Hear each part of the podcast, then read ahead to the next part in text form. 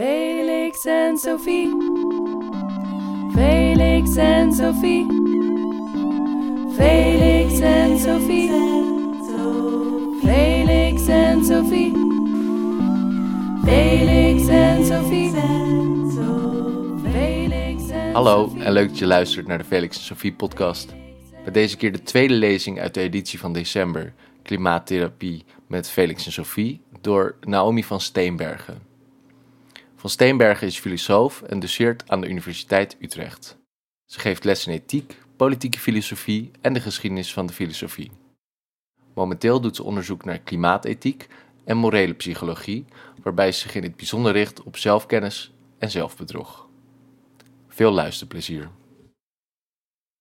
Ja, dankjewel voor een heel eh, eh, prikkelend, eh, prikkelend betoog. Ehm, ja, ik zat, eh, en wij hebben natuurlijk vooraf me- met elkaar, eh, dus ik heb met de eh, moderatoren gepraat en eh, we hebben het gehad over eh, het thema van de avond en een van de dingen die ter sprake kwam. En dat is leuk, dat kwam ook net in het quizje wat we, wat gedaan hebben, wat ik ook gedaan heb, eh, eh, naar voren het belang van ehm, met je voeten in de aarde staan. Of volgens mij was het in het quizje eh, met je handen in de, in de aarde. En, eh, en, en omgeven worden door de natuur. En, ehm, ja, hoe, hè, en, en die, de, nou ja, onze. Ik weet niet hoe ik het zou vertalen, maar de, environmental identity. En, en, en hoe, een te grote nadruk op moraal ehm, ja, problematisch kan zijn. Nou, dat hebben we net gehoord. En ehm, ja, voor mij was dat eh, ehm, interessant. En, en ook wel heel prikkelend, omdat ik natuurlijk, ik, ik, werk, ik ben ethicus. Ik werk met theorie de hele dag. Ik zit met mijn neus in de boeken de hele dag. Ik, ik ben trouwens ook regelmatig buiten, maar dat, dit, dit raakt denk ik wel aan iets ehm, ja, wat, wat ook voor mij een soort van, eh, ja, persoonlijk en in mijn professionele leven ook wel een soort van ehm, ja, worsteling is of een moeilijk vraagstuk, denk ik. En ik denk dat ik dat over dat vraagstuk ehm, wil ik het graag met jullie vanavond hebben. En, en ik denk dat ik daarmee daar onder andere zou willen laten zien dat ik toch ook wel overtuigd ben dat, hoewel contact met de wereld, contact met de natuur ontzettend belangrijk is, dat ik toch ook wel denk dat theorie een hele belangrijke rol kan spelen in ehm, een soort van bewustwording van onze verantwoordelijkheden. Nou, ehm, eh, dus ja, wat voor mij een soort van interessant uitgangspunt is. Kijk, ik ben natuurlijk ehm, in mijn professionele, ehm, professionele leven ben ik, eh, ben ik met ethiek bezig. En ook heel veel met klimaatethiek. Dus ik denk er veel over na wat onze verantwoordelijkheden zijn. Wat onze verantwoordelijkheden zijn in de context van de klimaatcrisis. Wat we zouden moeten doen als individuen. En, ehm, nou ja, al die vragen die daaraan gerelateerd zijn, die net ook al ter sprake kwamen. Hoe we ons moeten verhouden tot bijvoorbeeld politieke instituties. Hè, of wij als individuen verantwoordelijkheden hebben, of dat die eigenlijk vooral eh, ten opzichte van instituties zijn. Nou ja, dat, en, en wat voor verantwoordelijkheden we dan hebben. En, ehm, en ik ben natuurlijk ook als persoon, als individu in mijn dagelijks leven heel met ja, vragen over klimaat, beslissingen over klimaat bezig. Hè. Dus ik moet inderdaad al die ehm, beslissingen nemen die we allemaal, hè, waar we mee eh, allemaal denk ik eh, geconfronteerd worden. Hoe gaan, we, hoe gaan we leven? Wat gunnen we onszelf nog? Wat kunnen we onszelf niet? Waar, eh, waar gaan we ehm, aanpassingen doen? Waar gaan we offers brengen? En ik merk, wat op een bepaalde manier wel fascinerend is, dat, en pijnlijk, ehm, dat, het, dat het best wel moeilijk kan zijn om die twee dingen op één lijn te brengen. Ehm, en dat is iets wat ik, nou ja, wat, wat, wat, wat ik zeg maar als ethicus interessant vind en als persoon een soort van, eh, ja, eigenlijk ook, ook ja, eigenlijk ook interessant, maar ook, ook moeilijk. Eh, en, en ik zal het wat concreter maken. Kijk, van de ene kant ben ik, denk ik, als ik mezelf ehm, vergelijk met andere mensen in mijn omgeving, ben ik best wel, ehm, nou ja, wat Aristoteles gematigd zou noemen. Hè? Dus eh, ehm, een, een veelgehoord eh, begrip als het over ons huis gaat, is dat, wij, dat, dat het het museum is. We hebben namelijk heel veel tweedehands spullen en, en als we iets als een apparaat nodig hebben, dan komt het altijd wel ergens opgeduikeld uit het, uit het archief van de schoonouders. En, en nou ja, we hebben heel veel dingen die we van mensen krijgen en, en weer doorgeven. Ik heb al heel lang niet meer gevlogen, ehm, om een paar voorbeelden aan te halen die net al voorbij kwamen. Ik probeer lokaal te eten en verantwoord te eten en geen bandjes uit Egypte te eten. En ehm, ja, ik zit veel op de fiets. Nou ja, ik ben zeker geen, eh, geen morele held. Ehm, hè, ik heb ook wel luxe in mijn leven. We hebben een auto bijvoorbeeld. Ik eet zelfs wel eens eh, vlees. probeer alles een beetje met mate te doen. En, en, en ik vind het wel heel belangrijk om daar, uh, uh, om daar op te letten. Ik denk dat ik een typisch voorbeeld ben van wat er net, uh, net langs kwam. Hè? Van iemand met een soort van morele identiteit, maar die toch ook op, een bepaalde manier leeft in die, in die maatschappij waar dit soort dingen wel eigenlijk normaal zijn. Um, en hè, ergens heb ik. Ja, ik denk dat ik het een soort van praktische intuïtie kan noemen. Dat, dat dit dat het, dat het zo wel goed of, of in ieder geval in de richting van wel oké is. En er zijn dingen die ik kan tweaken, er zijn dingen waar ik beter in kan worden. Hè? Um, um, nog minder zuivel, helemaal geen vlees. Uh, nou ja, dat, dat soort dingen. Maar zeker als ik me vergelijk met mensen om me heen, dan, dan ja, ben ik, heb ik ergens de intuïtie dat ik wel oké bezig ben. En ik denk dat ik de intuïtie, um, als ik om me heen kijk, deel met best wel wat mensen, of in ieder geval denk ik dat ik de praktijk van al die beslissingen die ik, die ik net beschreef, dat ik die deel met best wel wat mensen. Nou, eigenlijk ben ik om te beginnen even benieuwd wat jullie, uh, hoe, jullie dat, uh, hoe jullie dat zelf ervaren. Dus ik wilde jullie ook, um, ik hoop dat het nu wel goed gaat, via een link in de chat ook twee, een heel kort quizje van twee vragen stellen. dus vind je je eigen gedrag wel oké, best wel goed, niet zo goed. Oh, kijk, mensen worden steeds. Ik, ik zit naar de resultaten te kijken. Mensen worden steeds optimistischer. We starten op een 3. Het ging een beetje naar boven. En nou, nu gaat het weer een beetje naar beneden. We zitten nog een beetje rond de, rond de 3. Misschien moet ik de mensen die nog antwoord geven niet uh, te veel beïnvloeden. Het blijft redelijk stabiel. Dat is wel grappig. Er komen steeds meer uh, antwoorden bij, maar. Oh, nu, wordt het, uh, nu wordt het duidelijk uh, negatief. De mensen die langer gewacht hebben, die zijn negatief over zichzelf. Um, dus we gaan naar de volgende, uh, naar de volgende vraag. Um, en we hebben nu, nou ja, net onder de drie zijn we uitgekomen. Hè? Dus echt halverwege tussen best wel oké en, en, en helemaal en, en niet zo oké. Goed, gaan naar de volgende vraag. Als je jezelf met anderen vergelijkt, Ja, dan gaan we toch wel, dat, dat zit wat hoger. Dus, uh, althans, het zal net wat hoger. Toch wel eerder rond de, rond de vier van de, van de vijf. Dus uh, veel mensen ervaren wel dat, hè, ondanks dat ze een soort van gematigd tevreden over zichzelf zijn, vinden ze zichzelf toch nog wel net wat beter dan de, dan de mensen om zich heen. Dat is misschien ook niet zo raar voor de mensen die naar een, naar een lezing als deze komen luisteren. dat verbaast me op zich niet zoveel. Ja, maar dat, dat is wel grappig. Ik denk dat daar ook een beetje hetzelfde, um, hetzelfde beeld uit voorkomt. Hè? Als, je, als je kijkt naar wat je doet, ja, je hebt wel verbeterpuntjes, zeg maar, maar uh, het, is ook weer niet, uh, het is ook weer niet te belabberd. En zeker als je jezelf vergelijkt met anderen, dan kom je er eigenlijk wel oké uit. Um, het probleem is hè, dat die, die, wat ik net mijn praktische intuïtie noemde, dat dit, hè, die beslissingen die ik neem wel, ja, dat ik daarmee wel een soort van richting oké ga. Hè, dat, er wel, dat, er wel dingen, dat er wel dingen beter kunnen, maar dat het wel, dat, nou, dat het een soort van, soort van te verantwoorden is. Het probleem is dat daar een enorme discrepantie ligt met wat ik als uh, ethicus concludeer. En dus als ik als ethicus vanuit de theorie kijk naar wat ik kan verantwoorden, dan kom ik totaal niet op iets wat ook maar in de verste verte lijkt op het leven dat ik nu leef, eigenlijk.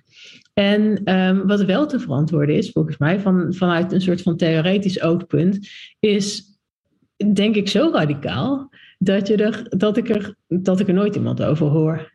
Uh, of Bijna, bijna nooit. Nou ja, we zijn heel, heel. Uh, ik, ik denk niet dat ik iemand persoonlijk in mijn omgeving ken die, uh, die zeg maar voldoet aan de, aan de standaarden of verantwoordelijkheden. waarvan ik, als ik vanuit de theorie kijk, denk dat ze te rechtvaardigen zijn. Um, dus daar zit een enorm gat. En dat gat zit er ook voor mij als professioneel ethicus. En dat, dat, dat gat, dat vind ik, dat vind ik interessant. Um, en dit moet ik natuurlijk ook concretiseren. Dus wat is dan vanuit de theorie uh, of vanuit, vanuit de soort van de boekenwijsheid, uh, wat, wat is er dan te verantwoorden? Dus wat, wat mogen we van onszelf verwachten of misschien wel wat moeten we van onszelf verwachten?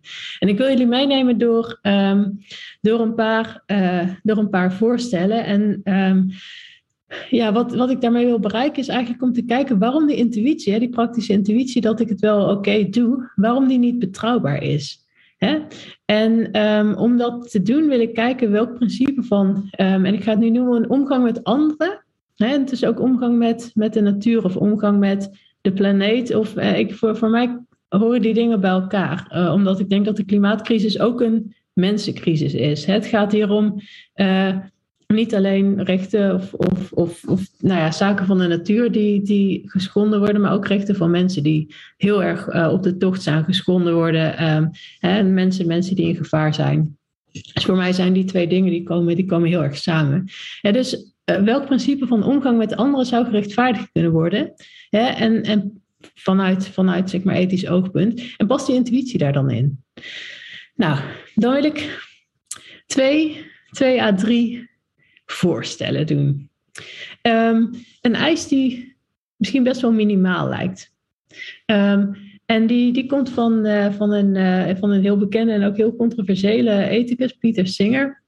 Hij heeft een uh, principe geformuleerd al heel lang geleden. En, en in eerste instantie helemaal niet in het kader van de klimaatcrisis, maar is daar wel zeker op van toepassing. En hij noemt dat zelf het Rescue Principle. Um, Singer staat bekend als een utilist. We hebben het net ook over utilisme gehad, maar dit principe is volgens hem niet per se een utilistisch principe. En het principe, hij heeft een, hij heeft een mooi voorbeeld om het te illustreren. Ik begin met het voorbeeld. Hij zegt als je een, uh, stel, er is een, uh, je bent een wandeling aan het maken, je gaat naar je werk of zo, je bent gewoon lekker aan het wandelen. En je komt langs een ondiepe vijver en je ziet in die vijver een, uh, een kind verdrinken. Um, Singer zegt, als jij dan op dat moment in staat bent om die vijver in te lopen en dat kind uit het water te trekken, hè, om het kind te redden, en het enige wat het jou kost is um, dat, je, dat je schoenen geruineerd zijn, dan is het volkomen evident dat je dat moet doen. Dat het jouw morele plicht, jouw morele verantwoordelijkheid is om, om dat te doen, om dat kind te redden. Redden als, je, redden als je redden kunt, zou je dit principe kunnen noemen. Hè? Um, hij zegt, en, en het lijkt inderdaad. Um, ik, ik zal er nu niet heel uitgebreid op ingaan, en onderbouwing en eventuele tegenargumenten. Maar ik, ik denk uiteindelijk dat dat, dat voorbeeld is. Uh, nou ja, een, aansprekend voorbeeld. Hè? En ik denk dat het, dat het best wel moeilijk is om daar iets tegen in te brengen. Um, en uh, dus we kunnen het principe denk ik samenvatten dat, dat hierbij hoort met... Als, je, als je redden kunt, um, of als je redden kunt en het kost je niet of nauwelijks iets... Hè, niet of nauwelijks iets dat van vergelijkbaar belang is um, dan datgene wat je kunt redden, dan moet je dat doen. Dus dus het, er kunnen offers van ons gevraagd worden. En zeker als die offers zo klein zijn dat, um, dat, um, nou, dat het onvergelijkbaar is met uh, dat het in geen verhouding staat tot datgene wat we eraan aan goeds mee kunnen bereiken, dan zijn we moreel verplicht of, of hebben we morele verantwoordelijkheid om dat te doen. Nou, dat principe is al, uh, lijkt mij aardig minimalistisch. Ik weet niet, daar probeer voor jezelf ook even te denken wat je daarvan vindt als je dat hoort. Of je dat plausibel vindt of niet. Maar mij lijkt het redelijk minimalistisch. En ik denk dat dat gerechtvaardigd kan worden. Um, en maar misschien vind je het nog steeds te, um, te veel. Je kunt bijvoorbeeld denken, nou ja, een kind dat in het water ligt, dat heb, je hebt daar... Ik bedoel, ervan uitgaande dat je dat kind niet in het water hebt geduwd. Hè? Heb je misschien wel helemaal geen morele verantwoordelijkheid. Is het wel goed om het kind eruit te halen natuurlijk. Maar zolang jij geen schuld hebt, is het niet per se jouw verantwoordelijkheid om het kind te redden. Lijkt mij, lijkt mij best wel heftig uh, iets om te argumenteren, maar dat, uh, dat zou je kunnen doen. En er zijn mensen die dat zeggen. Dus we kunnen een nog minimalere eis formuleren. Ja, we zijn op zoek naar een principe dat gerechtvaardigd kan worden. Ik ga het nu een beetje, uh, ik ga nu, nou ja, ik ga het nu een beetje af, um, een beetje breder maken, hè, een, beetje, een beetje minder strikt.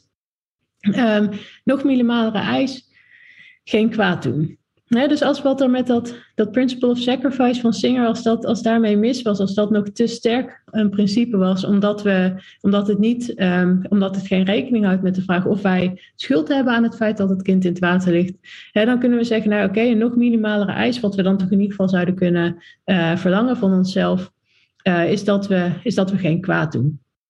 Dus we mogen alles doen. We mogen, uh, we mogen alles doen wat we willen, zolang we maar anderen geen kwaad doen met ons gedrag. Nog, nog veel minimalere eis. En um, ja, ik denk nog veel minder makkelijk om daar, of nou ja, nog, nog veel mogelijker misschien wel om daar iets tegen in te brengen. We kunnen het nog, nog minimaler maken. Uh, en dan kunnen we bijvoorbeeld zeggen, nou ja, misschien niet, we mogen misschien nog wel af en toe ook nog iemand kwaad doen. Uh, maar in ieder geval dan toch niet over, om triviale zaken dus dan brengen we eigenlijk een soort van de verlichting van het eerste principe hier weer naar binnen. Dus dan zeggen we, oké, als, het, als het je nauwelijks als, als wat het je oplevert om kwaad te doen, je mag wel kwaad doen, maar als wat het je oplevert, ehm, ja, verhoudingsgewijs heel triviaal is, dan, dan mag het niet. Je mag alleen kwaad doen als het echt heel belangrijk is. Hè? Dus het is niet eens zo dat we geen kwaad mogen doen, maar we mogen nou ja, vooruit dan geen kwaad doen als het alleen maar iets triviaals, iets, iets relatief onbelangrijks oplevert. Dat lijkt mij, zeg maar vanuit, ehm, als ik denk als ethicus, als ik denk wat kan ik op basis van argumenten, welke principes kan ik op basis van argumenten rechtvaardigen en wat kan ik onderbouwen, dan denk ik niet dat ik een nog minimale principe dan dit nog zou kunnen onderbouwen.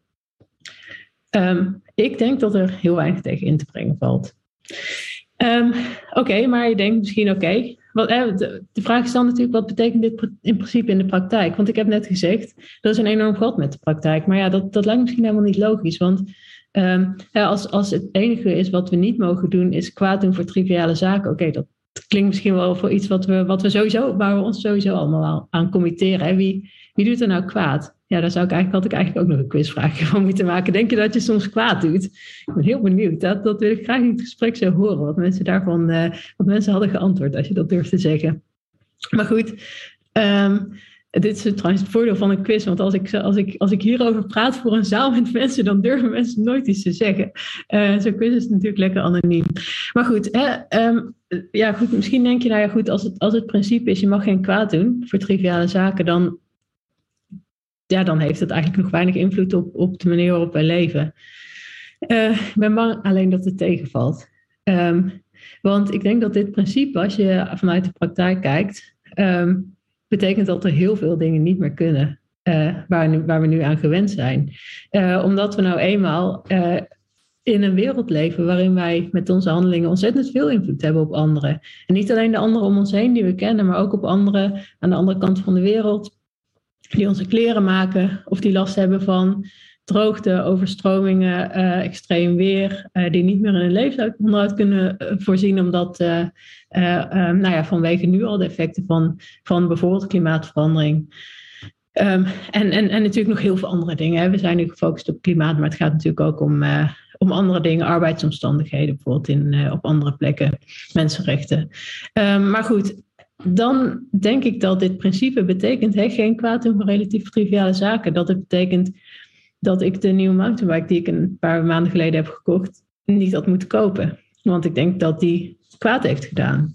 Um, dat eindeloos Netflixen um, nogal twijfelachtig is, moreel gezien. Hè? Want de uitstoot die dat met zich uh, meebrengt, is weliswaar en natuurlijk in het, in het grote geheel niet veel, maar, maar wel iets dat, dat kwaad doet. En ja, anders dan heel triviaal kunnen we dat, of in ieder geval redelijk triviaal kunnen we dat moeilijk noemen, denk ik.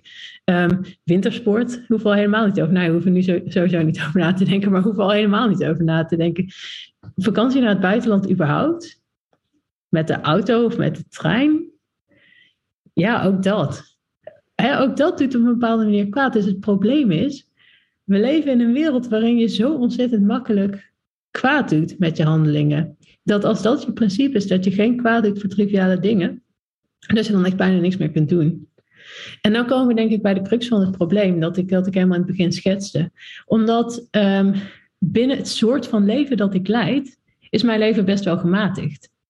Uh, het probleem is alleen dat het soort van leven dat ik leid helemaal niet gematigd is, maar juist behoorlijk extravagant.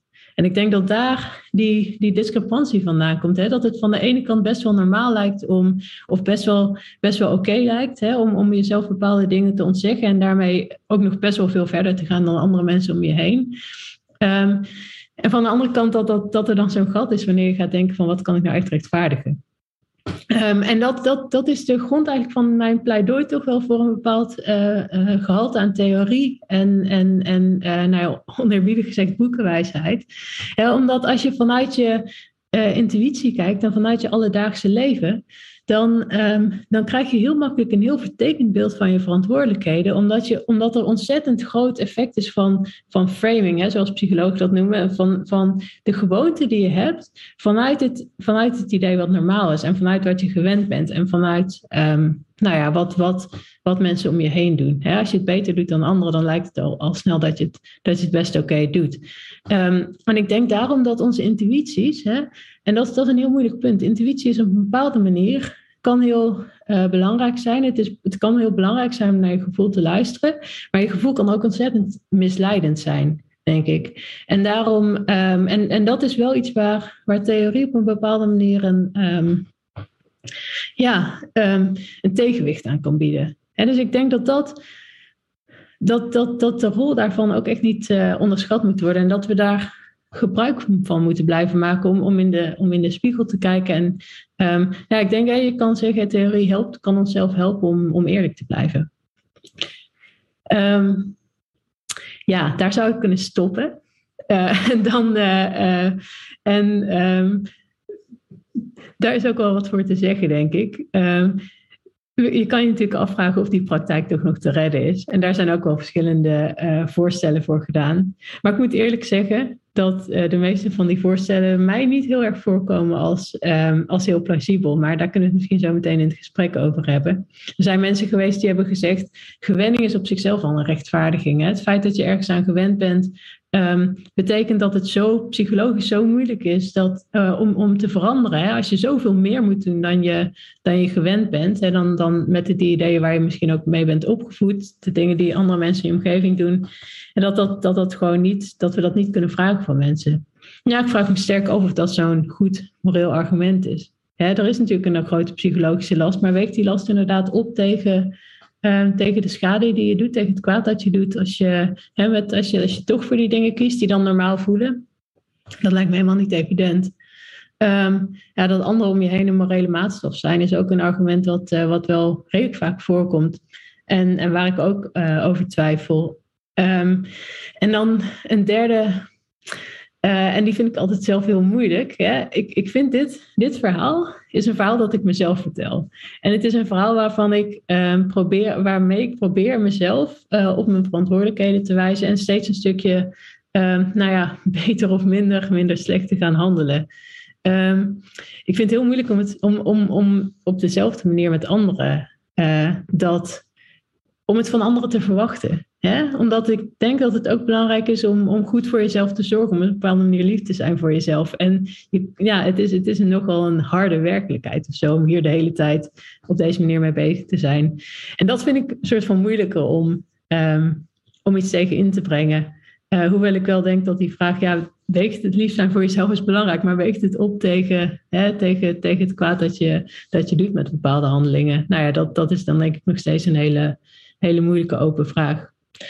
Uh, kortom, ik weet niet wat de juiste weg uit het dilemma is. Um, ik heb mezelf een redelijk ondankbare taak gesteld, uh, denk ik. Ik, ik. ik, heb geen antwoorden gegeven. Ik heb die antwoorden zelf ook niet. Um, dus um, eigenlijk wat ik, wat ik tot, tot doel had vandaag was om jullie op te zadelen met mijn eigen onprettige dilemma. en bij deze, en ik, ik ben ontzettend benieuwd wat jullie er zelf van vinden.